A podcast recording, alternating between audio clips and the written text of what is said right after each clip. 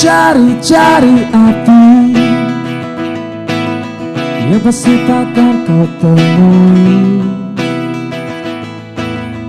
Tak perlu kau nilai-nilai semua. Biarlah semua adanya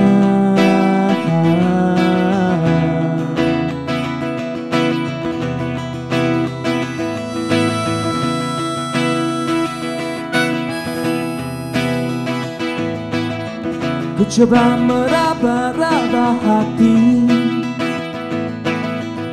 Warna gejolak di sini. Alirkan semua rahasia. Taburkan dalam suasana. Tak usah kau cari makna hadirnya diriku. Aku di sini Mungkin memberi arti cinta pada dirimu. Aku di sini untukmu. Tak usah kau tanya-tanya lagi. Coba kau hayati peranmu. Lupakan sekilas esok hari Semua telah terjadi. Aku dan dirimu Tenggelam dalam asa Dan tak ingin lari. Tanggalkan rasa ini Cobalah entaskan Pastikan lepas atau terus Semoga beri terbang tinggi di awan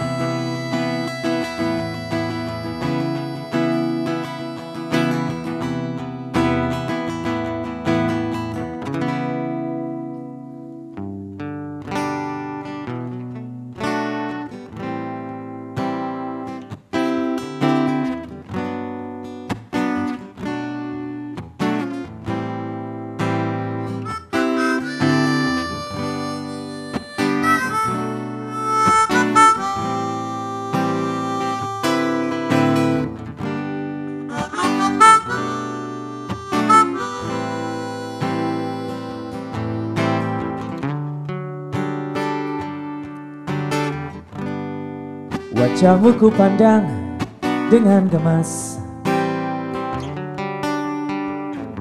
Mengapa air mata selalu ada di pipimu?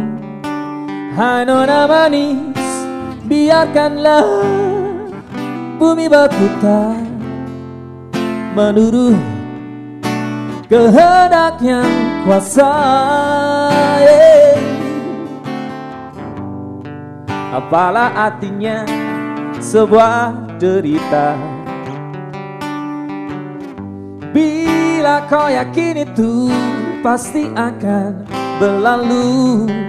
Hai nona manis Biarkanlah bumi berputar. Menurut kehendak yang kuasa Tuhan pun tahu hidup ini sangat berat. Tapi takdir pun tak mungkin selalu sama yeah. Coba-cobalah tinggalkan sejenak anganmu. Esok kan masih ada oh, Esok kan masih ada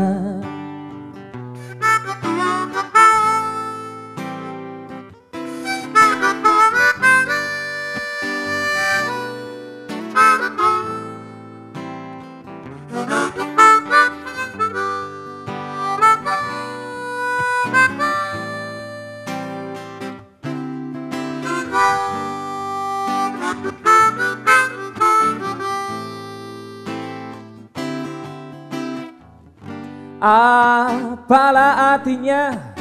Sebuah cerita.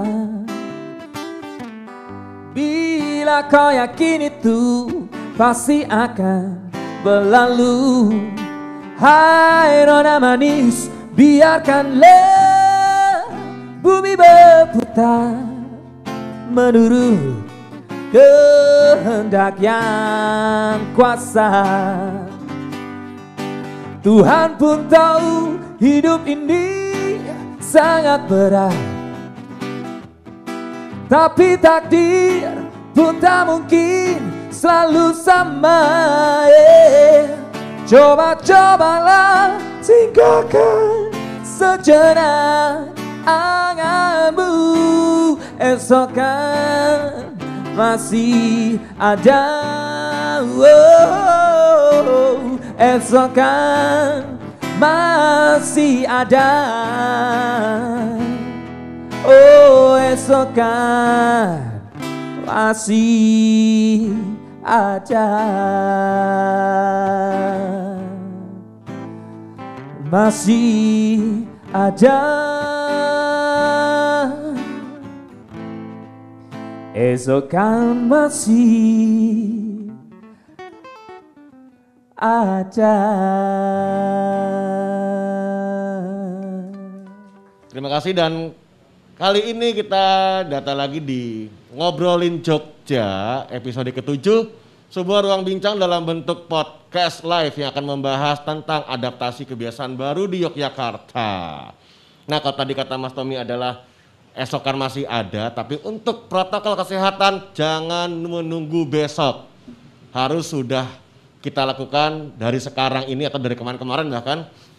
Nah, akhirnya Yogyakarta setelah enam bulan Gubernur DIY Sri Sultan Hamengkubuwono X mengeluarkan Pergub nomor 77 tahun 2020 tentang pemberian sanksi pelanggar protokol kesehatan khususnya yang tidak pakai masker dan beberapa tempat usaha juga yang tidak uh, mematuhi protokol kesehatan. Hal tersebut disambut baik oleh tim Satpol PP sebagai tugas dan depan tim pengamanan dan penegakan hukum pencegahan COVID-19 di daerah istimewa Yogyakarta dengan melakukan pengawasan dan penertiban di beberapa lokasi di Yogyakarta. Kemarin juga hari Selasa saya sempat ikutan di 0 km eh, pemberian sanksi sosial eh, yang melanggar itu disuruh ini, disuruh menyapu jalan dan terjaring hampir sekitar 100 lebih 100 lebih Pak kali ya. 176. 176 pengendara yang e, mengabaikan protokol kesehatan atau tidak memakai masker. Nah, apa sih pergub isi pergub tersebut dan seefektif, seefektif apa pelaksananya di Yogyakarta? Sekarang saya ditemani oleh para senior lagi sih sebenarnya. Di sebelah saya sudah ada Bapak Dr. Andes Novia Rahmat MSI sebagai Kepala Satpol PP DIY dan di sebelahnya ada Mas Pak Haryanto pemilik gudang digital dan Gudang Kopi. Selamat malam semuanya, Bapak sehat semuanya nih. Alhamdulillah sehat. Sehat-sehat ya, tetap harus sehat ya. Eh, kepada Pak Noviar dulu nih Pak, kita langsung aja nih Pak. Ini topiknya sangat enak menurut saya ini Pak. Tapi kita mundur dikit nih Pak, karena beberapa hari yang lalu juga kita dapat kabar jika ada pedagang di Malioboro ya Pak ya yang meninggal karena COVID-19. Mau tanya dulu Pak, kenapa sih Pak itu bisa terjadi padahal Malioboro kan salah satu wilayah yang sangat ketat pengawasannya Pak, tapi ternyata masih ada seperti itu. Monggo Pak, dijelaskan Pak Noviar. Baik Mas Arga dan seluruh pemirsa yang ada di mana saja. Eh, sebelumnya saya mengucapkan salam sehat kepada seluruh warga Jogja dan seluruh eh, masyarakat. Ya, memang beberapa hari yang lalu memang ada kejadian di Malioboro terkait dengan adanya satu pedagang yang eh, positif COVID-19 dan akhirnya meninggal. Kejadiannya memang sudah dua minggu yang bersangkutan itu merasa tidak enak badan, demam, Oke. kemudian dibawa ke rumah sakit ternyata eh, setelah dirawat sekian lama dan terakhir di swab ternyata positif dan sorenya meninggal dan dimakamkan dengan protokol COVID. Sekarang seluruh pedagang di zona 3 itu dilakukan isolasi dan lagi di tracking. Namun demikian memang banyak sekali pedagang yang sudah berkunjung ke sana, lebih kurang 31 ribu. Tiga ribu ya. Ya, itu juga sedang dilakukan eh, proses tracking karena masuk ke Malioboro sudah didata siapa yang pernah masuk ke sana. Nah, kenapa hal itu terjadi? Ya tidak lepas dari kedisiplinan kita dalam menerapkan protokol kesehatan terutama di dalam menjaga atau pemakaian masker, kemudian menjaga jarak dan cuci tangan. Sepanjang Malioboro sebetulnya sudah disiapkan tempat cuci tangan sudah di setiap sudut. Tetapi kalau kita cek apakah ada pengunjung yang mencuci tangan, ya jarang sekali. Kalau kita lihat yang memakai masker, nah ini juga sering yang melepas masker. Padahal di Malioboro itu juga sudah ada perda kota tentang kawasan tanpa rokok. Tetapi ya dengan alasan merokok ya dibuka masker. Kursi yang sudah ditempatkan di sana hanya boleh ditempati oleh satu orang. Dalam kenyataan juga empet-empetan. Nah ini yang padahal pengunjung yang masuk ke Malioboro itu belum tentu hanya orang Jogja saja. Apalagi yang namanya Sabtu Minggu di libur panjang, apalagi kemarin juga libur panjang itu sempat Malioboro itu ramenya, bahkan kapasitas yang seharusnya 2.500 itu melebihi dari kapasitas yang sebenarnya. Sehingga terjadi penumpukan-penumpukan. Nah ini kan kembali lagi kepada ketaatan dan kedisiplinan pengunjung yang masuk ke tempat-tempat wisata. Kemudian juga sebetulnya larangan bagi bus-bus besar untuk masuk ke wilayah Yogyakarta atau wisatawan dalam bentuk rombongan. Dalam kenyataannya, coba kita lihat di hari libur, tidak hanya di Malioboro ya, di tempat-tempat wisata lain itu bus-bus yang dari luar daerah pun sudah bermasukan, sudah berdatangan tanpa ada protokol kesehatan karena ketentuannya bus itu hanya boleh diisi 70 persen, tapi penuh tanpa ada pakai masker di dalamnya.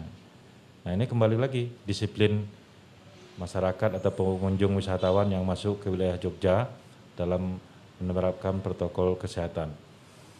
Nah, kalau diserahkan pengawasannya kepada aparat, baik itu dari Satpol PP, TNI Polri, ataupun kalau di uh, wilayah Malioboro itu oleh Jogoboro dan UPT Malioboro serta Pambudaya, tentu sangat tidak mungkin sekali karena keterbatasan waktu, keterbatasan personil, mulai dari pagi sampai pagi lagi, nah itu tidak mungkin kita ngawasi. Nah kembali kepada disiplin individu.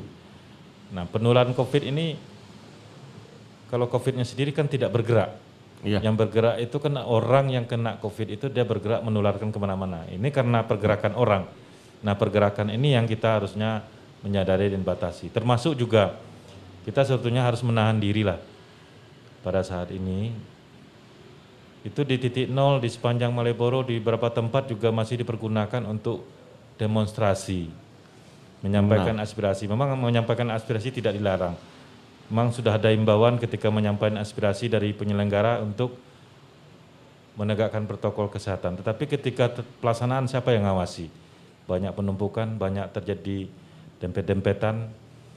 Siapa yang tahu kalau salah satu dari peserta itu ada yang OTG Pak ya. OTG, tidak ada yang tahu. Nah ini kita berharap supaya semua menahan diri dulu, baik itu masyarakat atau siapa pun menahan diri supaya di DIY ini tidak tinggi lagi. Karena sekarang ini contohnya dua hari yang lalu pertambahan positif itu 50 orang 50 orang ya. per hari. Ya. Saya belum tahu lihat hari ini berapa ini.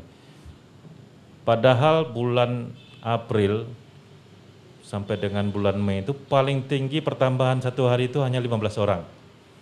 Dan ketika sudah mencapai 50 orang, kita sudah mulai panik. Nah sekarang setiap hari ada yang pernah kemarin melonjak sampai 67 orang per hari. Sampai hari ini pertumbuhannya sangat tinggi. Setahu saya keseluruhan kasus positif di DIY sudah menyentuh di angka 1.600-an. Nah ini kan tidak main-main. Pertambahannya hanya dalam waktu dua bulan terakhir ketika seluruh akses ekonomi, seluruh akses sudah dibuka. Memang kita berhadapan dengan pos- posisi bahwa kita harus menegakkan protokol kesehatan. Akses ekonomi juga harus dibuka. Tetapi kalau tidak dibarengin dengan disiplin yang tinggi, tentu ya kasus positif akan tetap meningkat. Ini yang kita harapkan adalah kita harus menerapkan protokol kesehatan di samping juga akses ekonomi juga ditingkatkan. Kita tidak mungkin membiarkan masyarakat terpapar atau masyarakat itu terkapar. Terka. Nah. Iya, iya, iya. Betul. Jadi pergub ini sebetulnya gunanya adalah untuk mencegah itu. Oke. Terus mungkin Mas Siap. Ya. Hari ini ada 50 orang lagi Pak yang yang eh, positif. Iya. Totalnya 1685 yang sudah di Jogja ya yang sudah positif. Yang sembuhnya 30 orang hari ini. Dan akhirnya eh, pergub itu muncul Pak ya setelah enam bulan pergub itu muncul yang nomor 77 tahun 2020 ya Pak ya. Itu bisa dijelaskan nggak Pak tentang pergub tersebut? Ya jadi gini Mas, Eh, sebetulnya dari awal saya menyampaikan bahwa masyarakat Yogyakarta atau siapa pun menerapkan protokol kesehatan bukan karena ada pergub atau bukan Iya. aturan, tetapi adalah karena memang kesadaran masing-masing individu dalam menerapkan protokol kesehatan.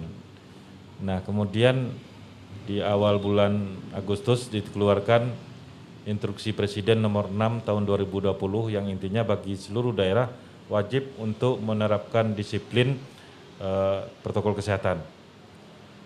Dalam amanat impres itu disebutkan bahwa seluruh daerah baik itu provinsi maupun kabupaten kota wajib hukumnya untuk menerap atau menerbitkan peraturan kepala daerah.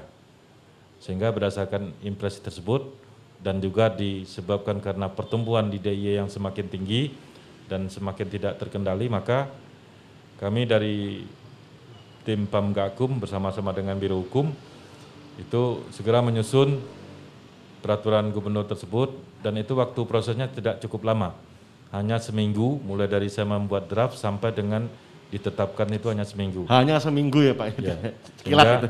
itu pun termasuk seminggu itu persetujuan dari Menteri Dalam Negeri karena setiap peraturan daerah yang akan ditetapkan harus difasilitasi oleh eh, Menteri Dalam Negeri. Mendagri. Ya, sehingga karena memang wajib sifatnya sehingga segera diterbitkan dan di dalamnya memang mengatur tentang sanksi. Ketentuan-ketentuan terkait kewajiban perorangan, kewajiban pelaku usaha atau penyelenggara eh, tempat-tempat hiburan itu sudah diatur dan sanksi yang diberikan ada dua. Sanksi untuk perorangan yang pertama adalah teguran lisan atau tertulis, yang kedua adalah sanksi sosial dan ketiga adalah pembinaan. Khusus untuk tempat usaha atau penyelenggara itu sanksinya ada empat. Sanksi pertama adalah sanksi lisan atau tertulis, kemudian sanksi eh, pembinaan, yang ketiga adalah penutupan operasional sementara dan yang keempat adalah pencabutan izin. Nah terkait dengan sanksi perorangan yang sudah kami lakukan adalah terhadap teguran lisan atau tertulis itu sebetulnya sudah kita lakukan Dari awal, Pak, ya? April Iya, dari sudah awal kita itu. lakukan. Iya, iya. Termasuk pembinaan pun sudah kita lakukan. Nah, sanksi sosial ini yang baru kita lakukan mulai dari tanggal 8 kemarin, waktu juga Mas Harga dan teman-teman juga ikut hadir ya. Ikut ya. Nah, Itu salah satunya dengan cara menyapu jalan. Sebetulnya ada tiga yang kami minta itu dilakukan. Yang pertama menyapu jalan, yang kedua mencabut suket ya, Rumput. rumput-rumput nanti kita cabut. Kemudian yang ketiga adalah membersihkan rontek-rontek. Intinya bukan kita tidak sanggup membersihkan, tetapi karena ini adalah memberikan efek jerah kepada si pelanggar untuk melakukan kerja sosial. Mudah-mudahan dia ke depannya kapok. Iya. Jadi tidak melakukan lagi eh, tidak memakai masker di tempat-tempat umum. Kemudian untuk tempat-tempat usaha itu juga kita melakukan eh, pembinaan. Kemarin di hari Selasa itu di Prawira Taman ya kita melakukan pembinaan kepada lima tempat usaha karena tidak menerapkan protokol kesehatan. Sebelumnya kami juga sudah membuat teguran ke dua tem- tempat hiburan malam.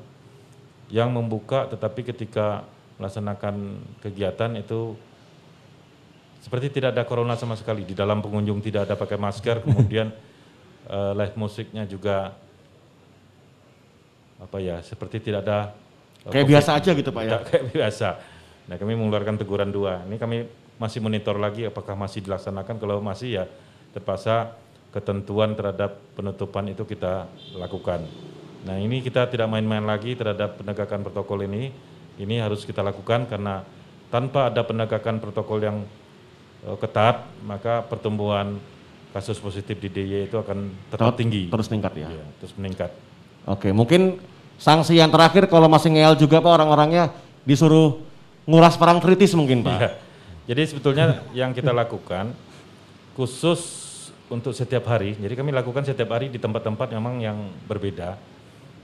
Eh, seperti hari kemarin waktu tanggal 8 malam hari kita lakukan di titik nol dan di Tugu. Tugu. Itu 176 orang pengunjung yang kita eh, sanksi sosial dengan menyapu jalan. Kemudian tanggal 9 kemarin di Pasar Bantul dan Pasar Gamping Gamping. itu pelanggarnya ada 103. Terus tadi di Pasar Gabusan dan di Condong Catur.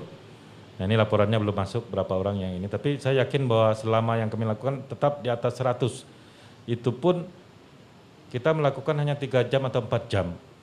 Saya Iya, yakin pelanggaran lebih daripada itu yang kita lakukan uji petik selama empat jam di satu tempat itu sudah mencapai angka 100. Tapi pelanggaran yang terjadi di masyarakat lebih daripada itu. Ribuan bisa jadi Pak ya. Ribuan mungkin ya. Nah, ya tidak heran kalau kasusnya semakin meningkat. Nah, Nah ini yang kita harapkan semua komponen semua masyarakat juga jangan karena hanya karena pergub atau karena ada pengawas baru menerapkan protokol kesehatan, tapi karena memang ada kebutuhan. Jangan Kesadaran sampai ya, Pak, tempat. ya? itu yang dari dulu kita tekankan. Pak Gubernur juga menginginkan kesadaran warga ini yang kita pentingkan untuk menegakkan protokol kesehatan. oke. Siap. Kemudian di hari Sabtu Minggu, khusus Sabtu Minggu, Sabtu Minggu. ya kama- kami juga membawai Satlantas Rescue Istimewa. Ya. Itu kami juga kerahkan 328 orang personil di hari Sabtu dan Minggu itu di eh, tujuh wilayah. Karena kami juga menempatkan Satlantas itu di tujuh wilayah, yaitu wilayah satu di daerah Sadeng itu terdiri dari tujuh, 17 pantai. Kemudian wilayah dua di Baron itu ada 37 pantai. Wilayah tiga itu Parangtritis, itu lima pantai. Wilayah empat itu Pantai Baru, itu delapan pantai. Wilayah lima Gelagah, itu dela- 10 pantai. Dan di wilayah enam itu di Sermo, itu ada 10 tempat objek wisata. Dan di Kaliurang. Nah kami setiap satu minggu juga melakukan penerapan protokol yang sama termasuk untuk penerapan Pergub 77. Khusus untuk di wilayah pantai kami minta kepada pelanggar untuk memungut sampah karena kalau menyapu di pantai itu agak sulit. Nah, kita memungut sampah-sampah yang ber- ber- berserakan di pantai. Kami berharap dengan adanya penerapan ini efek jerah karena kalau masyarakat yang kena sanksi tersebut mempunyai rasa malu, tentu dia akan tidak akan berbuat lagi karena ini rasa malunya yang kita sentuh. Sudah pakai baju bagus-bagus ternyata disuruh menyapu jalan. Nah, itu yang kita harapkan masyarakat. Oke. Nah, berikutnya saya pindah ke Pak Hari nih sebagai pemilik tempat usaha nih Pak, Eh, kafe ya dan eh, tentang videografi segala macam ya, fotografi ya. Tanggapan Pak Hari tentang pergub tersebut Pak. Ya, selamat malam Mas Aga. Ya, malam. Selamat malam Pak Noviar, teman-teman sejogja. Terima kasih atas waktunya. Kalau dari saya sendiri tanggapannya sangat mendukung eh, tentang pergub tersebut. Kenapa? Karena benar tadi kata Pak Noviar, eh, antara ekonomi dan kesehatan kalau bisa beriringan dan bersama. Jadi kita sebagai saya sebagai pelaku usaha juga sudah menerapkan di pintu masuk sudah ada cuci tangan, kita juga udah ada di ruangannya area wajib bermasker, di area parkir, area security juga kita udah terapkan. Bahkan kita juga eh, akan eh, kemungkinan besok kita akan rapid test eh, secara mandiri Oke. untuk eh, karyawan kita atau teman-teman kita. Jadi kita udah mendeteksi jauh lebih awal. Setelah kita melakukan pergub ini benar-benar sangat membantu untuk mensupport. Oke, berarti sangat ketat juga ya di sana ya. Iya, ketat banget. Berarti ada kekhawatiran nih dari Pak Ari dengan Iya. pengunjung datang. Iya, sangat khawatir sekali. Bahkan tadi kita sempat meeting juga bagaimana kalau masuknya dijaga, tapi eh, tadi juga masih belum eh, belum kita putuskan karena masih trafficnya masih belum banyak gitu. Oke. Eh, sebelum ada pergub tersebut sudah melakukan itu berarti ya? Sudah, bahkan kita juga sempat didatengin pada bulan Juli itu mengenai eh, ada beberapa eh, dari timnya Pak Noviar juga eh, bahwa ada penilaian di situ. Penilaian. Nah, ada hand sanitizer enggak, terus mejanya kita udah silang-silang gitu. Kebetulan kita udah siap pada saat itu. Ada yang masih melanggar nggak Pak itu? Kalau yang masih melanggar pernah kebetulan eh, ditegur pas ada tamu karena posisi lagi makan tidak pakai masker. Ya itu mungkin jaraknya yang kurang dijaga. Oke, berarti itu sampai diberlakukan peneguran kayak gitu ya. Iya, betul. Tapi dengan tadi pergub tadi berarti sudah siap untuk didatengin sama tim sama PP ya inilah ya. Iya, saya sangat siap karena kita udah lebih siap. Saya udah lebih siap. Ya, ya, oke. Nah, eh dari tim sendiri eh, apa saja protokol kesehatan? Dari internalnya eh, kita bilang gudang topi ya atau gudang digital Iya, ya? iya. Apakah ada penerapan-penerapan adaptasi kebiasaan baru di sana tentang protokol Iya. kesehatan? Pasti itu udah pasti. Bahkan eh, kita sendiri kebetulan dari K24 itu sudah mensupport hand sanitizer dan masker ini nih. Oh Ini gitu, dari iya. hand sanitizer dan masker juga. Iya, udah disupport sama K24. Berarti ya, ya tetap dijalankan juga ya internalnya Iya, juga ya kayak betul, gitu ya. betul. Oke, nah kembali ke Pak Noviar lagi nih Pak. Iya. Sudah 2-3 hari ini kan pergubnya, 2 sampai 3 hari pergubnya turun. Dan Bapak juga sudah 2-3 sampai 3 harian ini eh, berkeliling tadi Pak ya gitu ya. Ada penurunan nggak Pak? Orang-orang yang eh, melanggar protokol kesehatan? Atau malah naik angkanya? Nah itu kan karena kami melakukannya di beberapa tempat itu acak ya. Jadi kami tidak bisa mengatakan bahwa ada penurunan. Tetapi kami pada saat hari Selasa memang di titik nol. Itu pada saat itu memang pengunjung ramai sehingga yang melanggar juga banyak. Ya. Kemudian di Pasar Bantul dan Pasar Gamping itu posisinya pada siang atau jam 10-an. Nah, posisi pada saat itu memang pengunjung sudah mulai agak sepi. Itu pun jumlah yang melanggar itu ada 103. Kemudian hari tadi juga di atas 100 tetapi posisinya sehingga ketika mengatakan bahwa ini ada penurunan pelanggaran belum tentu. Karena kita masih ada baru tiga hari melakukan atau menerapkan implementasinya. Oke. Nah artinya eh, kita masih menggugah warga Jogja, apalagi ini eh, kasus kita belum menurun sampai saat ini, Belum menurun betul. belum. Jadi kalau kondisi ini dibiarkan atau tidak ada upaya-upaya percepatan yang harus kita lakukan, maka dikhawatirkan dua bulan ke depan itu kita sudah kehabisan bed rumah sakit untuk merawat pasien positif corona. Nah ini yang tidak kita harapkan karena kita juga saling bersinergi antara dinas kesehatan, para rumah sakit juga. Bagaimana kita menangani ini jangan sampai banyak yang masuk rumah sakit. Kasihan perawat-perawat kita yang sudah berjuang semenjak bulan Maret dan sampai sekarang juga masih bertahan di Jogja ini. Jangan sampai nanti kita malah jebol DIY ini. Jangan sampai kita seperti eh, wilayah daerah-daerah merah lainnya. Kita sekarang masih di posisi oren, Oren. ya. Jadi Setelah oren merah. sudah oren adalah merah. Karena posisi di bulan eh, Juni kita sudah masuk sebetulnya di zona kuning. Kuning. Di kuning, kemudian di Juli Agustus kita meningkat ke zona oranye. Sedikit lagi kita menyentuh zona merah. Aduh.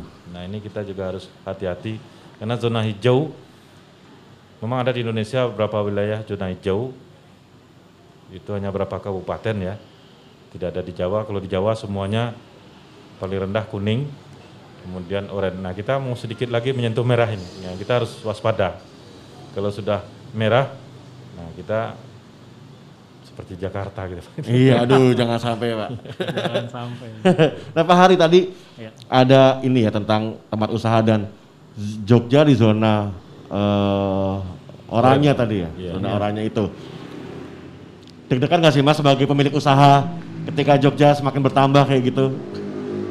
Ya sebenarnya eh, sangat waspada pasti ya, Iya. apalagi kan eh, dari awal Maret kalau nggak salah kita udah mulai di Iya awal Maret ya. ya di awal Maret. Nah itu kita udah rasakan sih. Bahkan kekhawatiran itu terjadi mungkin bukan hanya dari sisi pelaku usaha tapi Pelaku usaha, keluarga kita atau tim kita yang punya keluarga itu yang saya jaga sih Mas Aga. Punya khawatir pasti ada.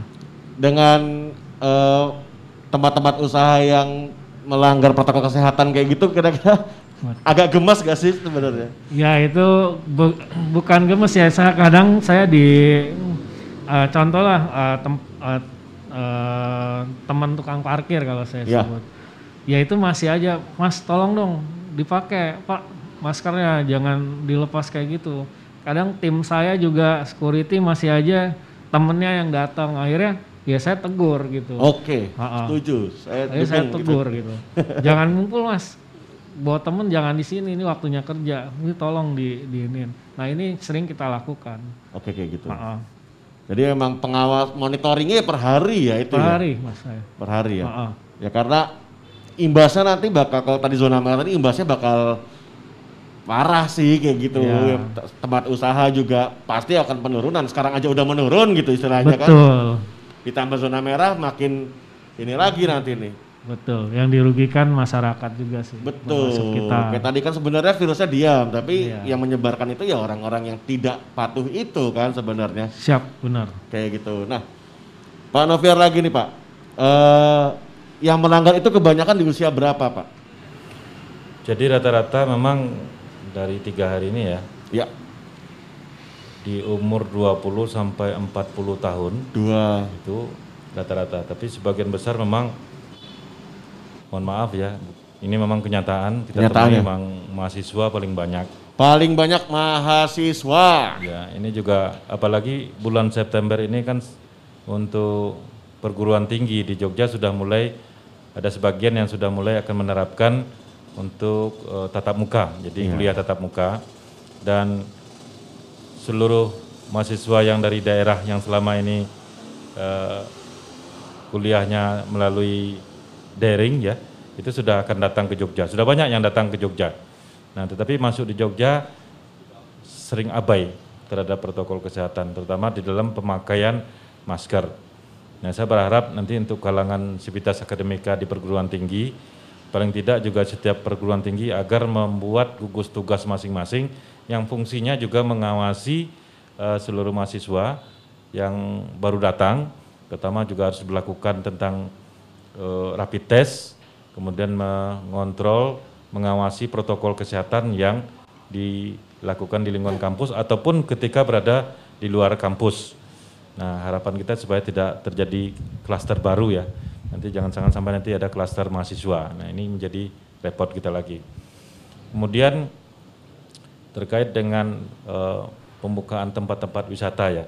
Nah ini kita memang Pak Gubernur itu me-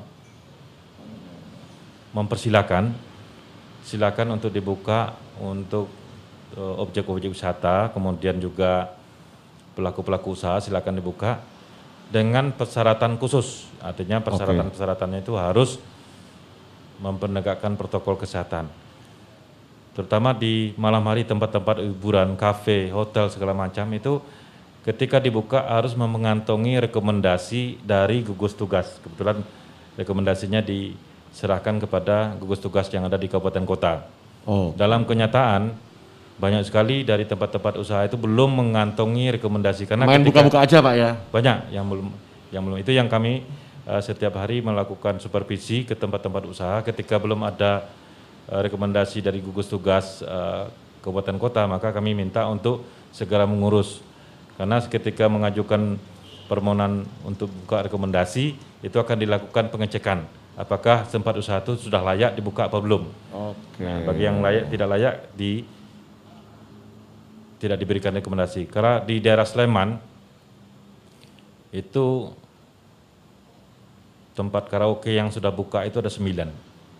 Izinnya yang sudah dikeluarkan ada sembilan atau rekomendasinya. Tetapi dalam kenyataan yang sudah buka banyak sekali. Itu semuanya belum punya rekomendasi. Dan ini yang kita terus setiap hari melakukan pemeriksaan-pemeriksaan di tempat-tempat itu.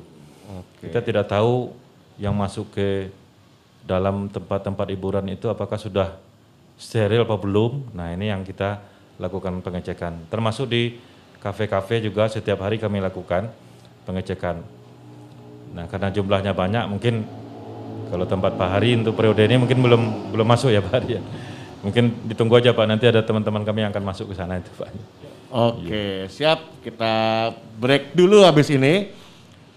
eh kita habis ini akan ada hiburan tawa dan sekarang saat ini ngobrolin Jogja sedang berada di salah satu co-working space di Yogyakarta, Serawung Galuh, Serawung Galih, punyanya Kominfo Jogja. Dan yang mau eh, tanya atau mau komentar silakan langsung saja ada di YouTube-nya Kominfo DIY dan Humas Jogja juga ada di Twitter dan Facebooknya streamingin. Dan berikut ini kita persilahkan hiburan tawa sebuah duo yang lahir dari ngobrolin Jogja yang akhirnya membuat nama menjadi duo rukun makmur. Silakan. Wih. Selamat malam dulu. Selamat malam semuanya, Selamat malam. teman-teman. Baru kali ini ya ke Dinas Kominfo DIY. Iya kayaknya. iya. Soalnya Eh. agak tidak terlihat dari jalan itu. Tadi malah sa- saya kira itu dinas rahasia tadi. Baru kali ini kamu Baru ke Kominfo tapi selama ini kan menyimpan kekecewaan tau karena Kominfo kalau ke warnet. Keblokir ya. Iya. Iya, Mas Arga ada juga selamat malam Pak Ma- Noviar. Pak dan Novian, Mas Haryanto. Mas Haryanto. Selamat malam, Mas. Ya. Ini Menarik sekali menarik ya. perbincangannya. Nah, karena Iya. membahas soal peraturan. Peraturan di Jogja. Semoga kita Peraturan. berharap juga ke depannya ya semakin disiplin ya warga. Ah. Semakin disiplin. Ya. Disiplin, menjaga kesehatan. Ya. Kayak vokalis Mas vokalis tadi. Iya, Wah, betul. suaranya enak. Enak, ya. karena- Suara enak itu keluar dari tubuh yang sehat. Iya. Betul, betul. Kamu suka musik tuh? Suka no? Suka musik. Tadi kan komposisi musiknya Eh. juga bagus tuh. bagus, bagus memang. Komposisinya kan ada bawang. tuh. Enggak ya? oh, Bukan oh, ya? komposisi kau bawang itu obat. Tapi musik itu secara keseluruhan bisa memperindah suasana. Apa? Iya, memperindah suasana. Kok bisa? Iya, itu musik secara keseluruhan. Hmm. Tapi ada satu musik yang bisa memperindah ruangan. Wah, apa kuy? Ada, Ada. ada. Musik reggae. Wih, kok bisa? Suaranya tuh cecet, cecet. Ya. Oh. Kon ngecet. Kan ngecet. Asik deh ya kalau Hmm. orang tuh katanya kalau kondisi pandemi gini harus happy. ya. Dengar berita apa pun harus kita jangan jangan terlalu takut juga Betul, gitu betul, ya. betul. Tetap waspada tapi jangan paranoid. Jangan, Jangan paranoid. kalau istilahnya anak sosial media sekarang jangan overthinking. Overthinking. Wah, overthinking. Kemarin saya di WA dapat dari teman Jakarta. Wah, teman Jakarta ada foto Wisma Atlet tuh ya, Wisma Atlet tuh. Wah, Lampunya nyala semua. lampunya nyala semua kemudian kalian tahu kan maknanya Wisma Atlet sudah buka tower baru lagi. Wah. Hmm. Artinya apa itu? Bro? Oh, saya tak. Wow, Asian Games diulang apa? Ora, ora Oh. ngono iki masalah serius. Bukan ya? Itu berarti kan ini apa jenenge? Grafiknya naik lagi. Wah. Ngeri memang kalau Jakarta ya. Ngeri, ngeri. Ya, memang Itu kalau harus- di Indonesia awalnya dari Jakarta ya. Ya, Ya. dari Depok ya kalau anda salah. Iya, ya. yang tiga penderita pertama itu Mm-mm. malah jadi duta corona. Nah, kalau nggak salah itu ya duta duta Iya, ya, iya, ya, iya. awalnya itu ya. nah itu loh. Seperti yang dibilang Pak no, Noviar. Pak Noviar tadi, Pak Noviar. ya isu yang sekarang paling paling sensitif, ya, paling paling perlu diperhatikan adalah ketersediaan bed rumah sakit, Nah, ya itulah. karena angka penderitanya naik, ya Fasilitas kesehatannya pasti akan ini kan, Ya. terpakai semua bisa Ya. jadi kita kekurangan. toh. ya jangan sampai kolaps, Nah ya, itu itu ya. yang yang paling yang harus yang kita paling antisipasi. benar. Kalau kota lain boleh mungkin khawatir, kalau Jogja kayaknya nggak usah, Loh kenapa? karena Jogja terkenal dengan kota lesehan. Ya Jadi beritanya di lesehan. Berarti bednya bisa diganti lesehan ya orang ngono. Ora eh ora oleh ngono. Ora oleh ngono Ini ya? masalah Ya. serius juga. Iya. Yuk antisipasinya adalah kita menjaga protokol dengan cukup ini dan menjaga Benar. kesehatan. Iya. Biar tenaga kesehatan juga nggak kewalahan. Benar, jangan sampai ya, jangan. Protokol-protokol harus diperbarui. Heeh. Biasanya kan warung itu nyed- nyediain cuci tangan di depan. Benar. Kalau nggak bisa nyediain cuci tangan di depan, kalau warung lesehan ya besok kobokannya dicampur sabun. Kopo. Le- Iya. Kobokan iya. campur sabune. Benar harusnya, nggak cuma Heeh. daun apa Daun kemangi daun, daun biasanya, kemangi. iya. ngono. Tapi ada loh. Saya pernah lihat warung yang menyediakan kobokan udah sama sabunnya. Ada, Sekalian. beneran? Ada, bener ya. Beneran ada itu. Wow. Tapi terus sama yang tamunya tuh malah disah-isah, isah-isah sendiri. Dipakai untuk nyuci piring. Iya, Dikira disuruh Iya. nyuci piring sendiri. Itu pakai masker ya ini. Ini kita buka karena kita ini ya dipakai mikrofon agak ini ya. suaranya ya, dapat ini ya. privilege sama Ah, Mas Arga. Boleh privilege. nyopot masker kayaknya. Boleh nyopot Ya. masker. Asal lucu katanya. Nah. asal, asal lucu. Soalnya ada ya. yang pakai masker di dagu. Wah, Sering banget tuh masker ada di dagu. itu sebel saya lihat. Kalau di jalan tuh banyak banget ya. Orang pernah pakai saya masker. ah. pernah saya cek Hmm. beneran. Saya pegang, lu kok aduh aduh aduh, ternyata emang diperban. memang sakit, memang sakit. bener. Warnanya mirip masker ya. Mirip perbannya, masker. ya. Kok aduh, aduh, Ya. aduh. Jangan pakai masker juga di kepala, ya. Nah, Di, di rambut, di Kenapa? rambut ya. Nanti dikira Atta Halilintar.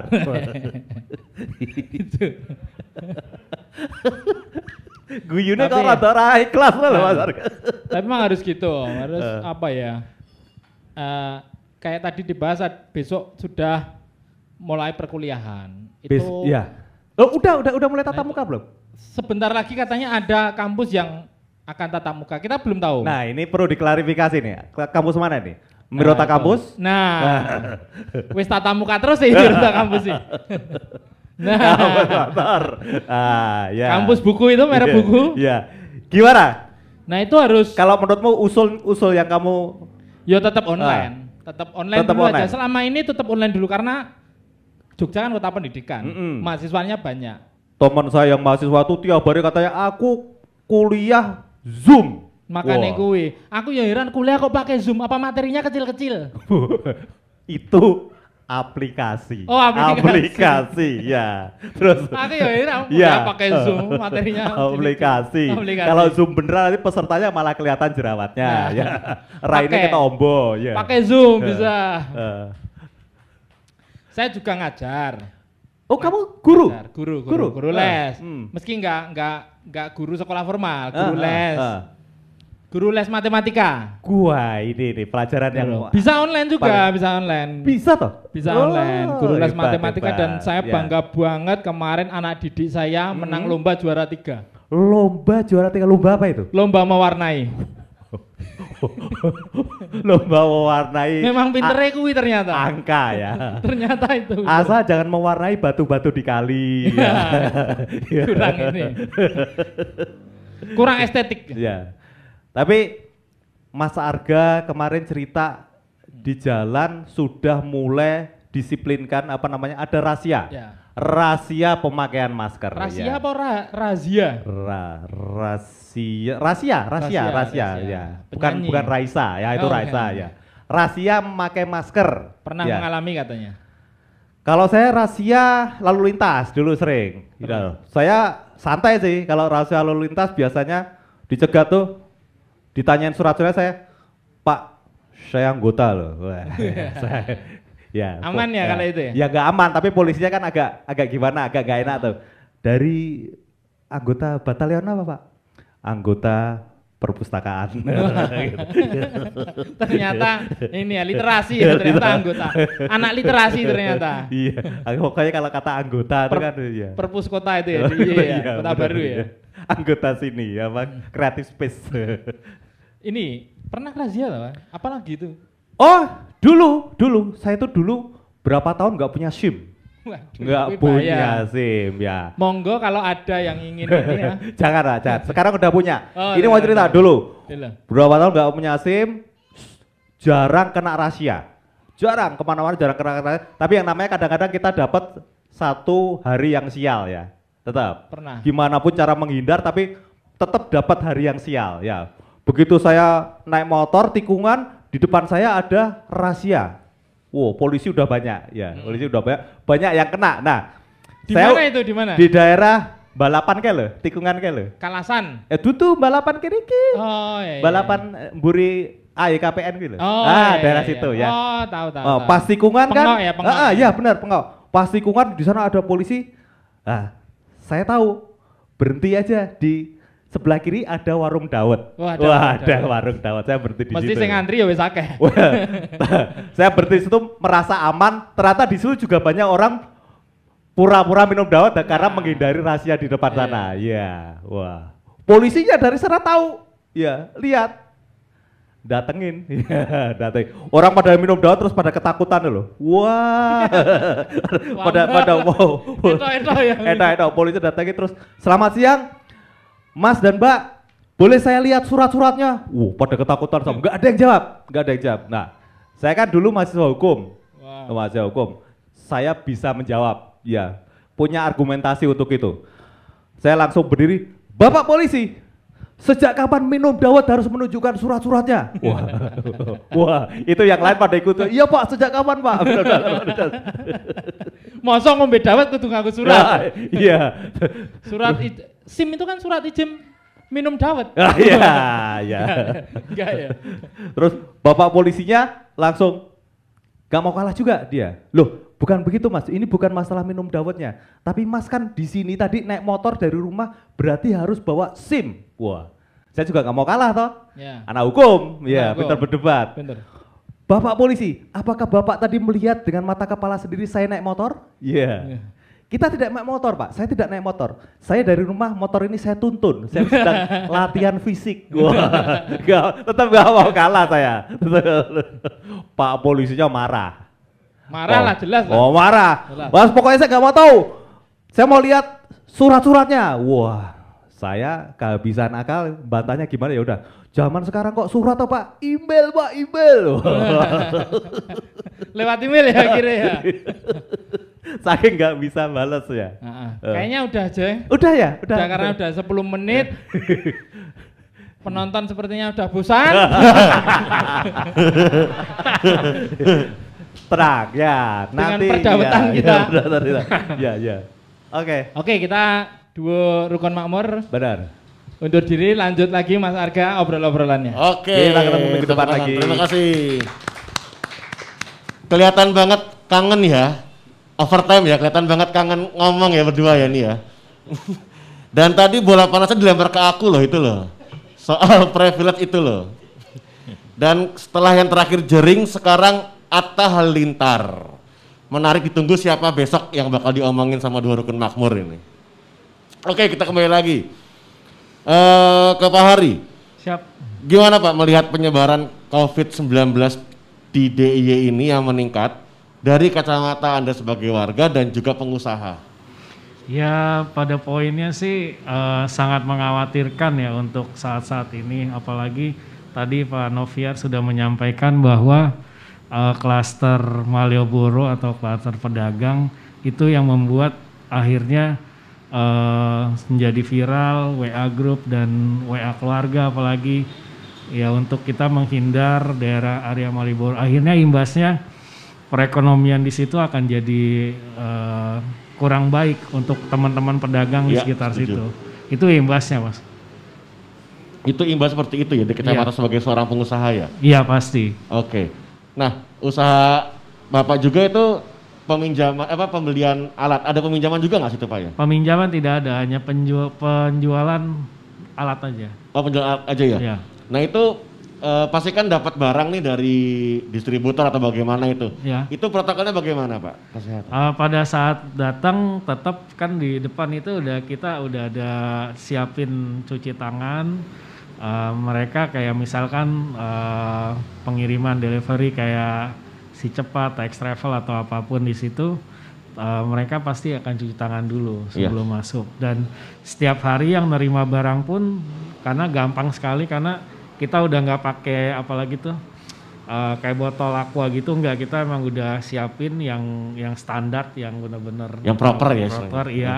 Yang itu udah uh, tanam punya jadi lebih mudah. Kita nggak nggak perlu nunduk-nunduk gitu kan. Ya udah di depan pintu masuk ya udah cuci tangan aja. Setiap hari kita lakukan teman-teman itu untuk cuci tangan cuci tangan cuci tangan. Bahkan Iya, setuju. yang masuk itu bukan hanya dari plat AB mas.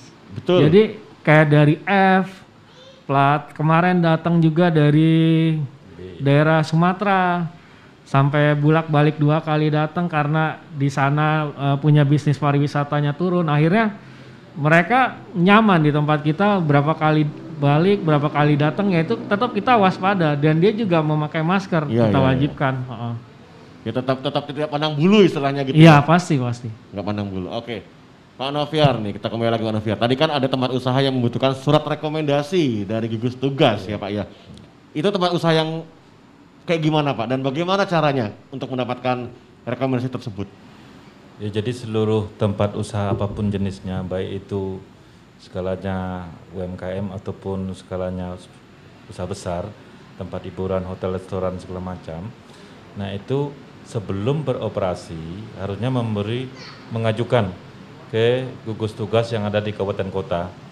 Kemudian setelah dari kabupaten kota itu menerima eh, permohonan dilakukan pengecekan oleh tim yang dibentuk oleh gugus tugas kabupaten kota tentang kesiapan dalam penerapan protokol kesehatan. Oke. Jadi setelah dicek baru nanti kalau sudah memenuhi baru dikeluarkan rekomendasi dari gugus tugas. Nah, ini harusnya perlu dilaksanakan oleh seluruh usaha yang ada di daerah Semajawa termasuk kegiatan yang mendatangkan orang, misalnya ada event-event ataupun eh, termasuk demonstrasi yang dilakukan juga, ini harusnya ada izin dulu dari gugus tugas untuk memastikan bahwa protokol kesehatan itu betul-betul diterapkan. Nanti akan didampingi oleh eh, gugus tugas ketika misalnya eh, melakukan kegiatan event-eventnya, ini nanti ditunjukkan mana yang perlu Oh, iya. disiapkan. Mungkin itu yang harus dilakukan Mas. Berarti tidak memandang bulu juga ya istilahnya mungkin teman-teman di sini juga ada yang punya usaha, saya juga punya usaha juga. Iya. Berarti akan membuat eh, meminta rekomendasi dulu gitu Pak, izin dulu nanti ketika ditinjau oke layak dikasih eh, rekomendasi untuk bisa Ya, menjalankan usahanya seperti Jangan itu. khawatir itu tanpa biaya, Pak. Jangan khawatir tanpa biaya. Iya. Kalau ada yang minta biaya bilang ke Pak Noviar Iya, nanti betul. langsung. nah, gimana dengan tempat wisata Pak? Ya. pengawasannya?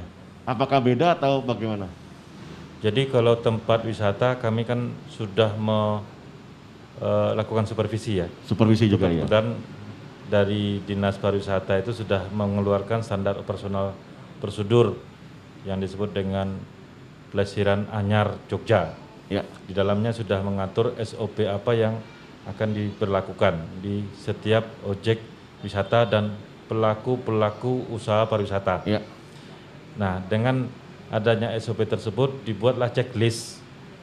Yang checklist itu nanti dari Satpol PP yang akan melakukan pengecekan. Kami sudah melakukan di bulan Agustus ke 56 eh, tempat wisata untuk kesiapan-kesiapannya. Memang belum keseluruhan itu lengkap. Karena aturan-aturan di pariwisata cukup banyak, misalnya terkait dengan bagaimana eh, aturan yang ada di tempat eh, objeknya sendiri Oke. Nah, misalnya dia harus membuat tempat cuci tangan, kemudian ada ukur suhu tubuh, kemudian bagaimana memastikan petugasnya kepada para pengunjungnya itu untuk memakai masker. Di tempat wisata itu juga ada tempat misalnya untuk berjualan. Nah, kita melihat di sana bagaimana dia mengelola sampah kejualan, bagaimana dia mengelola eh, jaga jarak di tempat misalnya dia duduk, bagaimana dia mengelola eh, misalnya ada toilet, toiletnya Ya. seperti apa, apakah sudah higienis apa belum. Nah itu kita cek sampai kepada musola misalnya di tempat Sampai usaha. musola ya Pak ya. Ya, kita misalnya musola, apakah di tempat oh, atau di objek wisata itu masih menyediakan tikar ya?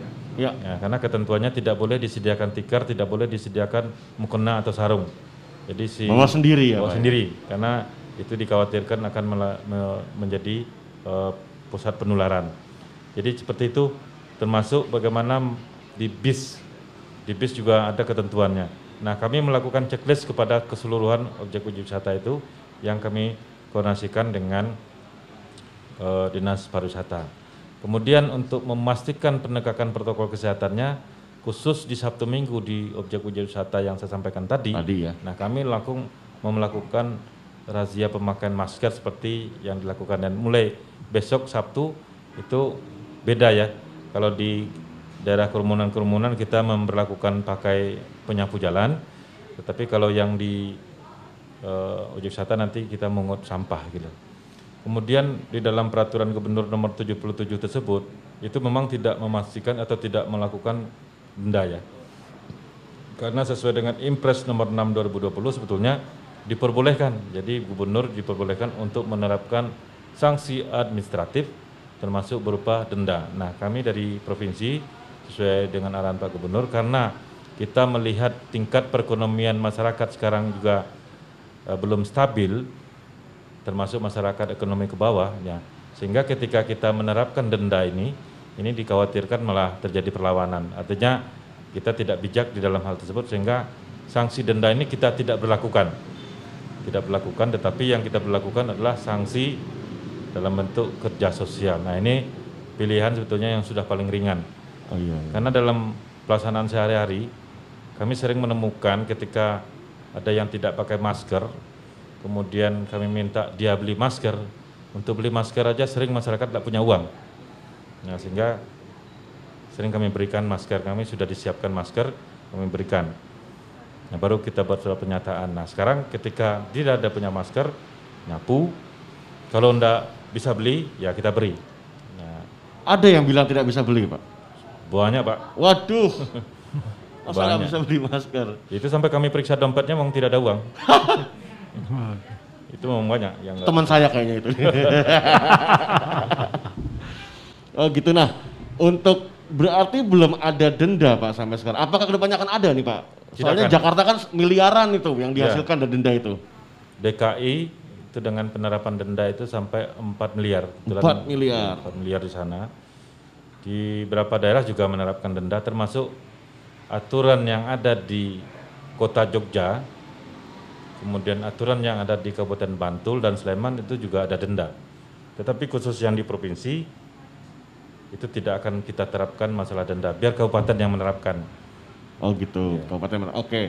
Nah untuk sanksi sosialnya itu yang menetapkan siapa Pak? Menyapu jalan, mengut sampah itu, apa akan ada lagi sanksi yang lain? Ya kalau yang menerap, menetapkan jenis sanksi sosial itu dari tim kami sendiri.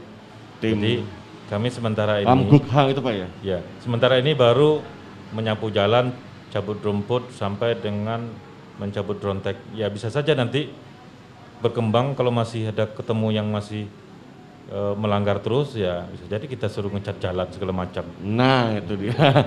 Ngukur jalan juga mungkin bisa. Tadi Ya, nguras orang kritis juga mungkin bisa itu Pak. Ya disuruh berjemur itu disuruh ngecat kansin yang di jalan itu yang sudah mulai pudar-pudar ya suruh kita cat nanti. Kalau yang udah ketahuan lagi, ketahuan lagi, misalnya Iya. ketangkap lagi mungkin bisa dinaikin Pak itu ininya. Iya betul mas. Nah ini kan ke Pak Hari dulu nih. Ini yang lagi hangat kan Jakarta akan melakukan PSBB nih mulai hari Senin ya. ya. 14 September. Karena angka peningkatan pasien yang sangat makin memprihatinkan, eh, ruang eh, ruang rumah sakitnya juga bednya juga memprihatinkan.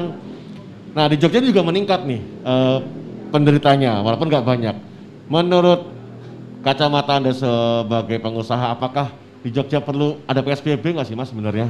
Eh, menurut saya Jogja itu sangat istimewa. Saya merasa warga Jogja itu lebih paham dengan eh, komunikasi yang sangat santun dari mungkin dari tokoh masyarakat, tokoh agama atau komunitas mungkin bisa menyuarakan hal yang sama keguyupan kita, kerauhan kita yang kita harus jaga. Saya rasa saya sebagai pengusaha tidak setuju dengan PSBB sih.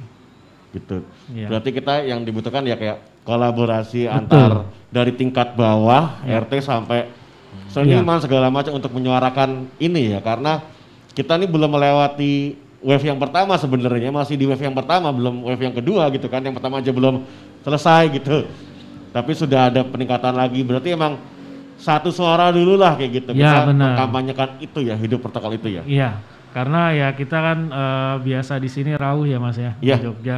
Saya rasa deng- dengan santun, dengan kekeluargaan dari tingkat RT, RW dan seluruhnya komunitas budayawan dan lain-lain tokoh masyarakat, tokoh agama, saya yakin kita tanpa PSBB pun kita bisa survive dan bisa berhasil. amin setuju Amin. Siap. Nah, ke Pak Noviar, perlu nggak sih Pak di Jogja PSBB? Jadi semenjak dari awal ya, semenjak bulan Maret itu COVID-19 itu mulai terdeteksi di DIY, sampai hari ini Pak Gubernur sudah menegaskan bahwa DIY tidak akan diterapkan PSBB. Karena dasar yang diambil bagi pemerintah daerah di dalam menetapkan status tanggap darurat itu adalah Undang-Undang 24 2007 tentang kebencanaan. Sementara ketentuan tentang PSBB itu ada di dalam Undang-Undang Karantina Wilayah yang dipakai oleh pemerintah pusat. Oke. Sehingga Pak Gubernur selalu menegaskan kepada kami bahwa tidak akan menerapkan PSBB karena di dalam Undang-Undang Kebencanaan tidak dikenal dengan adanya PSBB. Kedua, risiko yang kita terima ketika adanya kebijakan PSBB itu cukup berat, terutama bagi kalangan pengusaha ataupun masyarakat sendiri. Di Ya. dalam PSBB itu yang boleh buka itu hanya yang berkaitan dengan toko yang berkaitan dengan bahan pokok. Bahan yang boleh pokok, buka iya. itu hanya eh, tidak boleh misalnya makan di tempat. Yang berkaitan dengan eh, usaha-usaha yang lain seluruhnya ditutup. Kemudian WFH bagi pelaku-pelaku usaha juga harus dilakukan. Nah ini kan eh, berakibat kepada tekanan ekonomi. Oke. Iya, iya, setuju. Sampai dengan September ini kita di DIY ini pertumbuhannya sudah minus 5%. Pertumbuhannya minus 5%. Alhamdulillah. Ya, minus loh Pak. Bukan Oh, minus. Oh, minus. minus itu artinya bahwa kita itu dalam keadaan terpuruk. Jadi Aku sedikit pikir lagi. minus tuh positif, ternyata jelek itu Pak ya. Ya jelek tuh Pak. Jadi yang kita harapkan sekarang bagaimana sampai di triwulan terakhir ini, ya paling tidak kita menembus menempuh nol aja udah syukur nih Pak. Jadi itu makanya kita mendorong masyarakat itu untuk melakukan upaya-upaya bagaimana dia meningkatkan ekonomi, dia menghasilkan pencarian mata pencarian lagi, bisa menghasilkan eh, uang sehingga eh, ekonomi kita bisa tumbuh usaha-usaha itu perlu didorong, tetapi harus dibarengi dengan protokol kesehatan. Oke. Makanya semenjak awal kita menetapkan status tanggap darurat, sebetulnya Pak Gubernur tidak pernah menetapkan untuk menutup tempat usaha apa pun, Iya, iya. termasuk hotel restoran itu tidak pernah ada ditutup. Yang menutup itu adalah pelaku usaha sendiri karena BOP-nya tidak kembali. Jadi karena memang Iya, operasional tinggi ya Pak ya. Betul. pengunjung ke Jogja tidak ada, mereka tetap buka harus bayar karyawan nggak sanggup, nah, sehingga mereka menutup diri sendiri. Itu yang selama ini terjadi. Kemudian eh, mudah-mudahan tidak PSBB ya. Amin. Tidak PSBB, tetapi dengan catatan masyarakat tolong kita bekerja sama seperti yang disampaikan Pak Hari tadi. Saya yakin tokoh-tokoh masyarakat, komunitas dan relawan yang banyak di Jogja ini mau menyuarakan tentang protokol kesehatan termasuk ikut mengawasi, ikut mengingatkan apabila dari teman-temannya atau misalnya orang di sekitarnya yang tidak pakai masker tolong diingatkan. Apalagi kalau pengusaha mengingatkan karyawannya. Kalau perlu memberikan sanksi kepada karyawan yang tidak mau pakai masker. Setuju. Ya. Nanti mungkin coba kita ngomong sama teman-teman di Jogja ya seniman segala macam. Kita bareng-bareng lah kita mengamanyakan mengkampanyekan kembali untuk protokol kesehatan dari mulai masker segala macam turun-turun ke jalan kayak gitu mungkin semoga akan terrealisasi sih Pak. Nanti coba saya iniin sama teman-teman. Nah, tapi kan kalau kita bilang efek dari PSBB Jakarta itu bisa saja Jogja kena efeknya. Betul. Misalnya orang misal PSBB Jakarta dan akhirnya WFH dan orang-orang mungkin memilih ke Jogja sebagian kayak gitu. Nah itu ada nggak sih Pak antisipasi dari eh, tim Satpol PP sendiri sebagai Gus Teban? Ya, jadi efek dari PSBB yang akan ditetapkan oleh pemerintah DKI itu karena warga Jogja yang ber- mencari nafkah di DKI juga tidak sedikit ya, banyak sekali sehingga akan muncul pemudik mungkin sehari ini sudah ada yang curi star kali itu. Mungkin. curi star untuk kembali ke Jogja. Nah, kemungkinan karena baru hari Senin baru kita akan melakukan rapat koordinasi dengan Ketua Gugus Tugas Pak Wakil Gubernur. Tindakan apa yang diambil mungkin ada tiga opsi ya. Yang pertama kita akan kembali memperlakukan pengetatan di eh, perbatasan. Perbatasan. Awal-awal kita sudah melakukan pengetatan di perbatasan Purworejo, perbatasan di dengan Magelang, kemudian perbatasan di arah ke Klaten dan eh, di bandara, stasiun, terminal. Nah itu kan kita akan kembalikan eh, seperti awal. Itu opsi pertama. Opsi kedua, kita akan kembali memperlakukan isolasi mandiri 14 hari di rumah. Jadi ketika misalnya ada pemudik yang datang, kita minta Pak RT, Pak RW, Pak Duku untuk mengawasi bahwa ada pemudik yang datang, dia harus isolasi mandiri selama 14 hari di rumah. Opsi ketiga, itu sesuai dengan saran dari DPRD tadi juga bahwa diminta kepada anggota Satlinmas yang ada di setiap desa, karena jumlah Satlinmas kita cukup banyak, kebetulan juga di bawah koordinasi kami dari Satpol PP, Ya. Itu jumlahnya di DIY ini 29.524 orang. Kalau itu dikerahkan semua untuk melakukan pengawasan kepada pemudik, artinya tidak ada pemudik ketika masuk ke wilayahnya untuk berkeliaran. Nah, termasuk mengawasi protokol kesehatan di masing-masing eh, RT, RW ataupun di pedukuhan dan di desa. Nah, ini tiga opsi ini yang bisa nanti kita tempuh, tergantung nanti kondisi mana yang paling tepat. Tetapi kita juga sudah mengantisipasi ketika misalnya ada lonjakan dari pemudik ini, nah kita harus waspada kembali. Ada langkah-langkahnya pasti Pak ya? Ya, tinggal kita mengambil berapa opsi ini nanti yang untuk diterapkan. Oke, ya pokoknya memang semua harus waspada siap-siap gitu Pak ya. Oke. Ini udah enam bulan loh Pak nih, Bapak dan tim Satpol PP di apa ya eh, bekerja ini dan ekstra gitu. Ya. Nggak capek Bapak? Ya karena ini sebetulnya pertama adalah memang tugas kita dari Satpol PP dalam rangka penegakan protokol kesehatan. Yang kedua ini adalah tugas mulia yang dibebankan kepada kita. Tugas mulia setuju. Ya, karena eh, kami selalu menekankan kepada teman-teman tidak ada kata-kata mengeluh. Karena kami juga tidak mengenal itu hari libur Sabtu, Minggu atau libur tanggal merah, termasuk libur Lebaran kami tidak kenal. Yang kami kenal bahwa setiap hari hari kami harus melakukan tugas ini dan demi kepentingan masyarakat DIY dan juga untuk tugas-tugas kemanusiaan. Kami sangat sedih apabila melihat kasus-kasus positif ini semakin tinggi. Kami sangat sedih apabila melihat ada warga masyarakat yang tidak menerapkan protokol kesehatan, apalagi apa ada kumpul-kumpul, ada event-event yang kadang-kadang abai terhadap protokol kesehatan, apalagi ada black campaign. Nah ini juga kami temukan di black campaign di masyarakat, yang mudah-mudahan Kominfo ini bisa mengkanter ini, bahwa di masyarakat itu ada yang menganggapan bahwa corona itu tidak ada. Tuh buat Kominfo, Kominfo. Ya. Kemudian juga ada black campaign yang mengatakan bahwa hidup mati itu di tangan Tuhan. Tuh banyak loh masyarakat loh yang Nah, ini tahunya yang tuh kami karena tuh nggak ada loh. Dan jadi mudah-mudahan kita bisa berkolaborasi bahwa untuk memerangi black campaign ini juga diperangi lagi dengan black campaign. Jadi dua hal yang kami hadapi black campaign masyarakat, yang kedua perilaku masyarakat. Merubah perilaku masyarakat itu tidak memang tidak gampang. Setuju. Jadi ketika dia biasanya tidak bermasker, kemudian disuruh berpakai masker, ya ini sesuatu hal yang tidak gampang. Ini perlu edukasi semua pihak, perlu ada keterlibatan dan kolaborasi dari semua pihak, termasuk eh, komunitas Pak Hari ya, pedagang-pedagang semua itu juga ikut ambil bagian jangan menjadi objek tetapi jadilah menjadi subjek yang ikut memerangi virus ini. Subjek, betul sekali. Iya. Setuju saya subjek. Oke. Pertanyaan terakhir nih. Pesan-pesan deh buat dari Pak Hari dulu deh untuk Hmm. pengunjung resto, cafe itu pesannya bukan di tempat Pak Hari doang loh Pak, di yang lainnya kayak gitu. Eh, saran saya sih untuk teman-teman pengusaha maupun bentuknya eh, pedagang, saya katakan eh, bukan kecil atau besar, seluruh masyarakat yang berusaha, tolong eh, memenuhi protokol kesehatan benar-benar secara ketat. Kenapa? Tadi Pak Noviar sudah menyampaikan kita akan Jogja ini akan ke zona yang merah, walaupun saat ini masih orange.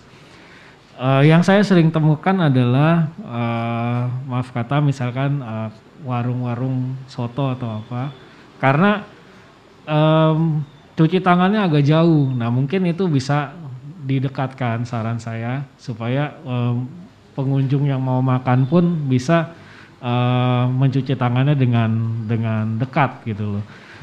Eh, saran saya itu aja mas, mungkin protokol kesehatan harus benar-benar ditetapkan dan benar-benar kuat teguh dari lingkungan RT RW seluruhnya bahkan komunitas apa pun bentuknya kalau dari saya komunitas fotografi sudah melakukan pada saat bulan Maret saya sudah membagikan masker ke teman-teman fotografi. Masker hand sanitizer sudah ke fotografi. Bahkan kita juga sudah mendisinfektan eh, kebetulan eh, kayaknya saya dari Gondokusuman sudah mensupport RW sekitar Gondokusuman pada saat awal COVID. Satu RW sampai pasar itu disupport oleh bidang digital untuk disinfektan dan selebihnya teman-teman juga bisa terlibat langsung pengusaha marilah kita jaga sama-sama karena ini untuk kita semua Oke. Karena imbasnya ke kita juga ya. iya betul Betul sekali. Pak Noviar pesan Pak buat warga Jogja Pak. Ya kalau pesan saya jelas bahwa penegakan protokol kesehatan tapi secara spesifik saya ingin berpesan kepada seluruh warga Jogja. Yang pertama, jangan mau membeli atau jajan di tempat penjualnya yang tidak pakai masker. Nah, Yang kedua, bagi penjual jangan melayani pembeli yang tidak pakai masker. Nah, dua hal itu yang perlu kami tekankan bahwa semuanya harus pakai masker termasuk ini sering sekali yang saya temukan pedagang-pedagang itu tidak mau pakai masker padahal dia jual makanan. Makanya terjadi kemarin soto lamongan. Harjo ya ya? masker ya. Jadi pertama yang saya tekankan sekali adalah masalah pemakaian masker. Termasuk misalnya bagi angkutan online kalau pengendaranya tidak pakai masker tolak saja. Nggak usah naik cancel aja nanti cari yang lain yang pakai masker itu lebih aman di cancel diomongin ke ininya. Ya, betul.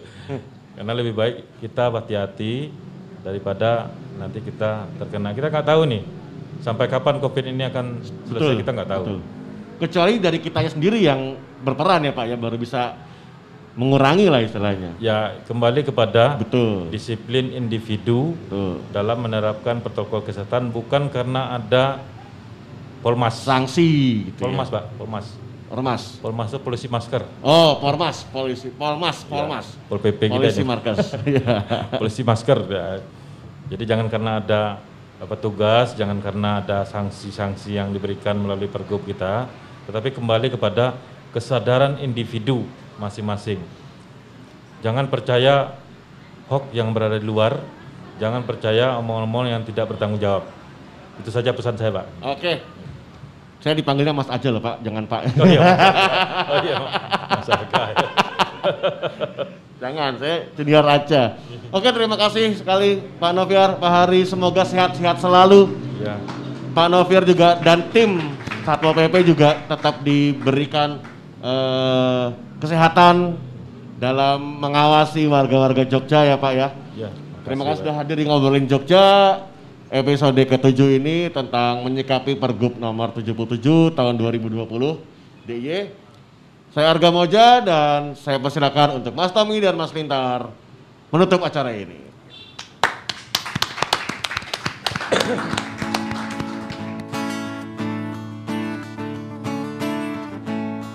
Oke baik, uh, menutup dengan lagu. Ini lagu yang barangkali relate juga dengan situasi saat ini. Di mana kita dituntut untuk tetap waras baik eh, secara mental maupun waras juga secara apa yang harus kita jaga. Kesehatan kita, tubuh kita.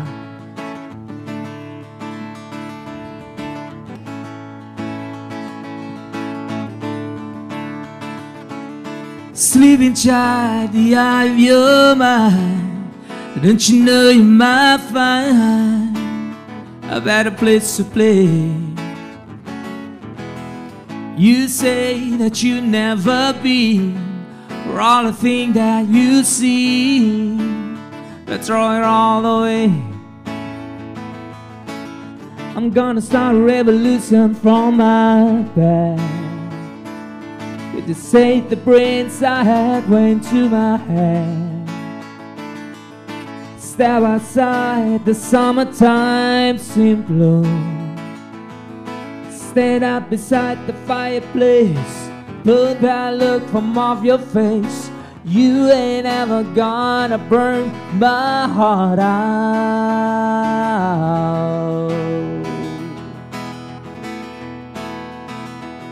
And so Sally can wait.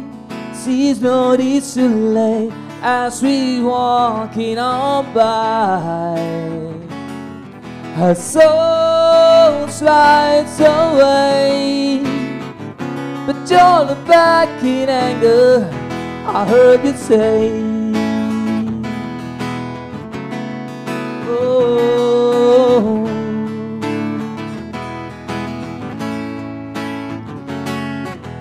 Take me to the place where you go, where nobody knows, even it's not a day. But please don't put your life in a hand of a rock and roll band. Let's throw it all the way. Mm. I'm gonna start a revolution from my past. Could you say the brains I have went to my head? Step aside, the summertime seemed blue. Stand up beside the fireplace. Put that look from off your face. Cause you ain't ever gonna burn my heart out.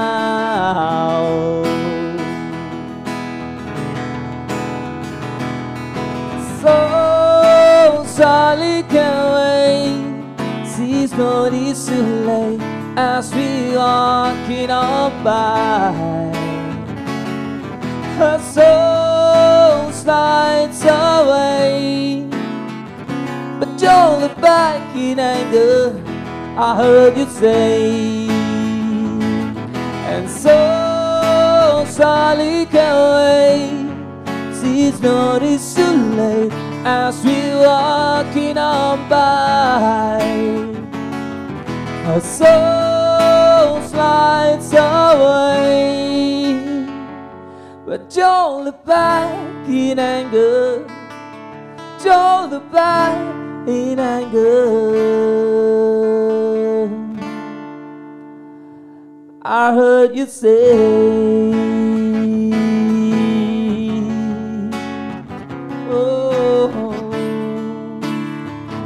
It's not today.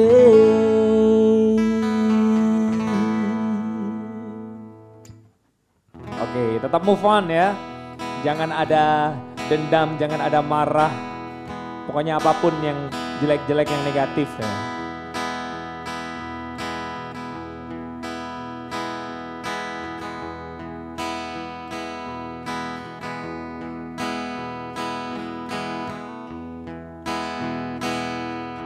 Yesterday. All my troubles seem so far away. Lord, it look as though to stay. Oh, I believe in yesterday. Suddenly, I'm not half the man I used to be. There's a shadow hanging over me. Oh, yesterday came suddenly. Why she had to go, I don't know. She wouldn't say. I say something wrong, oh, no one oh, know. For yesterday, yeah, yeah, yeah, yesterday. Love was such an easy game to play. Now I need a place to hide away. Oh, I believe in yesterday.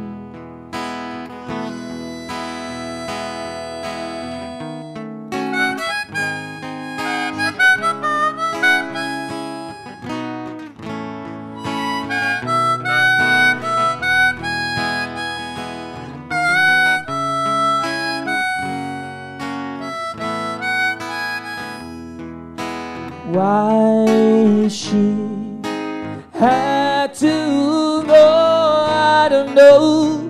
She wouldn't say. I say something wrong, no one know. For yesterday, yeah, yeah, yeah, yesterday. Such an easy game to play. No, I need a place to hide away.